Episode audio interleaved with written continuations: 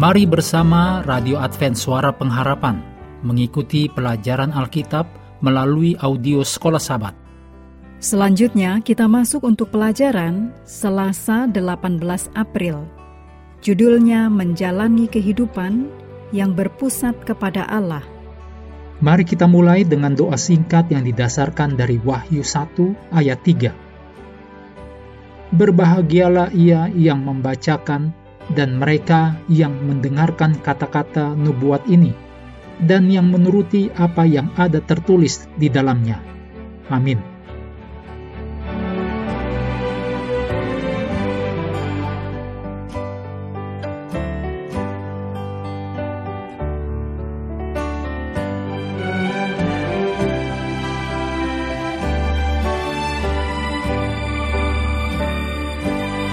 Di zaman konsumerisme, ketika nilai-nilai sekuler telah menjadikan diri sendiri sebagai pusat, panggilan surga adalah untuk berpaling dari tirani yang berpusat pada diri sendiri dan belenggu meninggikan diri sendiri, lalu menggantikannya dengan Allah sebagai pusat dari kehidupan kita.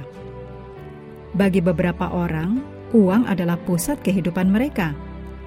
Untuk orang lain, kesenangan dan kekuasaan yang lainnya mungkin olahraga, musik, atau hiburan. Pekabaran Kitab Wahyu adalah satu seruan yang jelas untuk takut, menghormati, dan memuliakan Allah sebagai pusat kehidupan yang sejati. Matius 6 ayat 33, Kolose 3 ayat 1 dan 2, dan Ibrani 12 ayat 1 dan 2 menyampaikan kepada kita mengenai menjadikan Allah sebagai pusat sejati kehidupan kita. Masalah utama dalam konflik terakhir bumi adalah pertempuran dalam pikiran. Itu benar-benar sebuah bentuk kesetiaan, otoritas, dan komitmen terhadap kehendak Allah.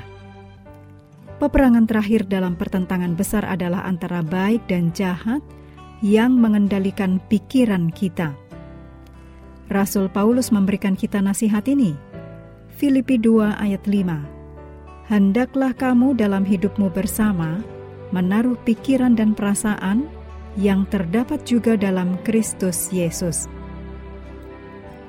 Pikiran adalah benteng keberadaan kita. Pikiran adalah mata air dari tindakan kita.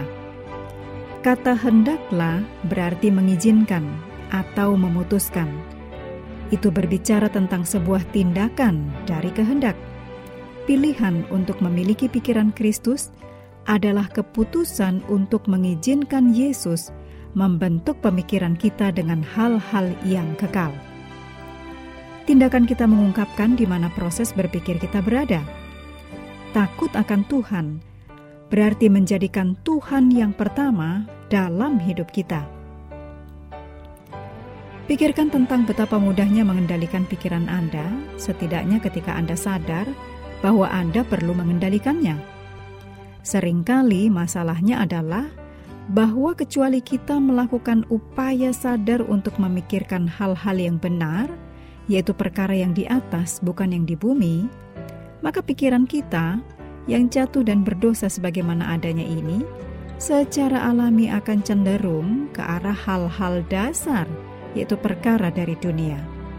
Oleh karena itu, kita perlu, seperti yang Paulus katakan, agar dengan sengaja dan dengan hati-hati memilih menggunakan karunia kudus kehendak bebas untuk memikirkan hal-hal surgawi. Filipi 4 ayat 8 menuliskan, Jadi akhirnya, saudara-saudara, semua yang benar, semua yang mulia, semua yang adil, semua yang suci, semua yang manis, semua yang sedap didengar, semua yang disebut kebajikan dan patut dipuji, pikirkanlah semuanya itu. Kita harus belajar dalam tuntunan Roh Kudus untuk melakukan yang Paulus katakan dalam ayat ini.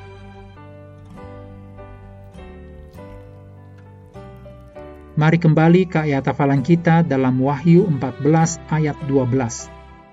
Yang penting di sini ialah ketekunan orang-orang kudus yang menuruti perintah Allah dan iman kepada Yesus.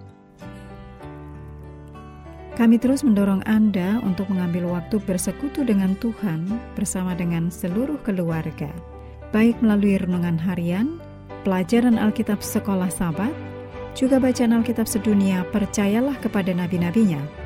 Yang untuk hari ini melanjutkan dari Ayub 24. Tuhan memberkati kita semua.